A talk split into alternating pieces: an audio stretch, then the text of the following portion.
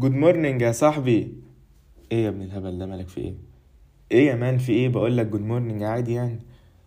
أنت بتتكلم كده ليه يالا يا أشرف؟ ما تتكلم زي البني آدمين يالا. بس بس بس يا جدعان.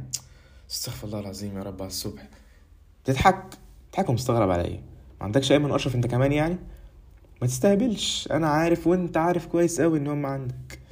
يوه نسيت إنك مش بتفهم من أول مرة. معلش معلش أنا جاي لك في الكلام أهو. هقول لك هقول لك. بص كل واحد فينا كده بيجي له إحساس إن دماغه مقسومة نصين.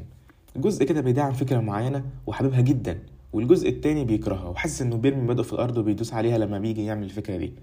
وبمجرد ما الفكرة دي بتيجي في موقف معين بيبدأ الصراع اللي ما بيخلصش ده. طب هل هعمل كده بجد؟ طب عادي يعني ما كل الناس بتعمل كده. لا لا لا, أنت تنسى نفسك ولا إيه؟ بلاش هبل. بس عادي يعني من عارف ناس كتير قوي بتعمل كده. أغلب الوقت بينتهي الصراع ده بإن الشخص بيسيب الفكرة خالص ويقول بلاش أوجع دماغي بالحوارات دي وإن هو تعب. طب هو ليه أصلا إحنا مقسومين نصين كده؟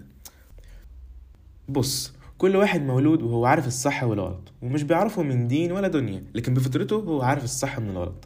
ومع التقدم اللي إحنا عاملين نتقدمه ده بقى والانفتاح الرهيب اللي على العالم كله للاسف بقى بيجيب لنا معظم الأفكار الغلط من المجتمعات اللي بره ومفيش أي فكرة كويسة نستخدمها من بره. ومعظم الناس بتمشي ورا مبدأ إنه الأجانب بيعملوا كده ودي هتبقى حاجة كول جدا فليه ما نعملهاش؟ بس الفكرة كلها إنها مش حكاية كول ولا مش كول الفكرة كلها إنك مجرد ما بتعمل الحاجة دماغك بتبدأ تقول لك أنت راضي عن نفسك اللي بتعمله ده وهو أنت جاية تقولي لي كده يا دلوقتي يعني؟ ما أنا قدامك من بدري. لا لا لا لا ما تحورش. أنت عارف إنك خدت الصراع ده قبل ما تنفذ واخترت الغلط اللي أنت عارف كويس قوي إنه غلط. بس ليه أنت دماغي الفكرة طب أعمل إيه يعني؟ أنا حسيت إن أنا لوحدي في العالم ده. كله بيعمل كده وأنا الوحيد اللي بره الدايرة. وبقيت حاسس إن الناس في مكان وأنا في مكان تاني وما قدرتش أدافع عن الفكرة لوحدي. طب أنت ليه دايما مستني إن حد يدافع عن المبدأ عشان تبقى أنت معاه؟ ليه ما تبقاش أنت الشخص ده اللي الناس تستنجد بيه عشان يلحقهم من الوقعة اللي هم واقعينها؟ مش عارف حسيت إن أنا كده يعني مش هقدر. طب وجايب كلامك ده منين؟ عشان تقدر تحكم على أي قرار في حياتك بمنطقية محتاج ميزان للقرارات دي.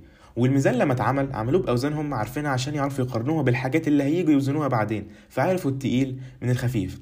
كذلك ميزان قراراتك في الحياة لازم تجرب وتجرب عشان تعرف تحط مقاييس للميزان ده كويس قوي. عشان لما تيجي بعدين في أي قرار هتاخده في حياتك تعرف هل هو يستحق فعلا ولا لأ. طب أنا معاك إن الكلام ده سليم وصح وكله. طب أنا يعني افرض جربت وخسرت. مفيش منطق في الدنيا بيقول إنك تتوقع الوحش دايما. بص أصلا مفيش حاجة مضمونة. ولو كل اللي فاتوا كانوا يتوقعوا الوحش ما كانش هيبقى فيه أي إنجازات. الإنجاز ده بيطلع من المستحيل. فلو ظروفك سهلة وما فيهاش أي مشاكل ولا عقبات هتعمل إنجاز منين؟ أصل بص هقولك على حاجة. أنت لو بتعمل زي ما الناس كلها بتعمل فأنت بقيت آه، زيك زي معلش اللي ماشي ورا القطيع ومش تبقى مميز في أي حاجة. واعذرني برضو تاني. لو انت زيك زي بقيت معظم الناس فمش هتوصل لحاجة لأنك ببساطة بتعمل اللي كل الناس بتعمله. فإيه المميز يعني اللي يخليك تعمل الإنجاز؟ ما كل الناس بتعمل نفس الحاجة اللي انت بتعملها كل يوم. طب أنا لما أجي مثلا أختارك في حاجة اختارك ليه؟ كلنا بنمر بالصراع ده أكيد. لازم تتفهم كويس قوي إنك بني آدم ومية في المية هيشتعل الصراع ده في دماغك مع كل قرار جديد بتاخده في حياتك.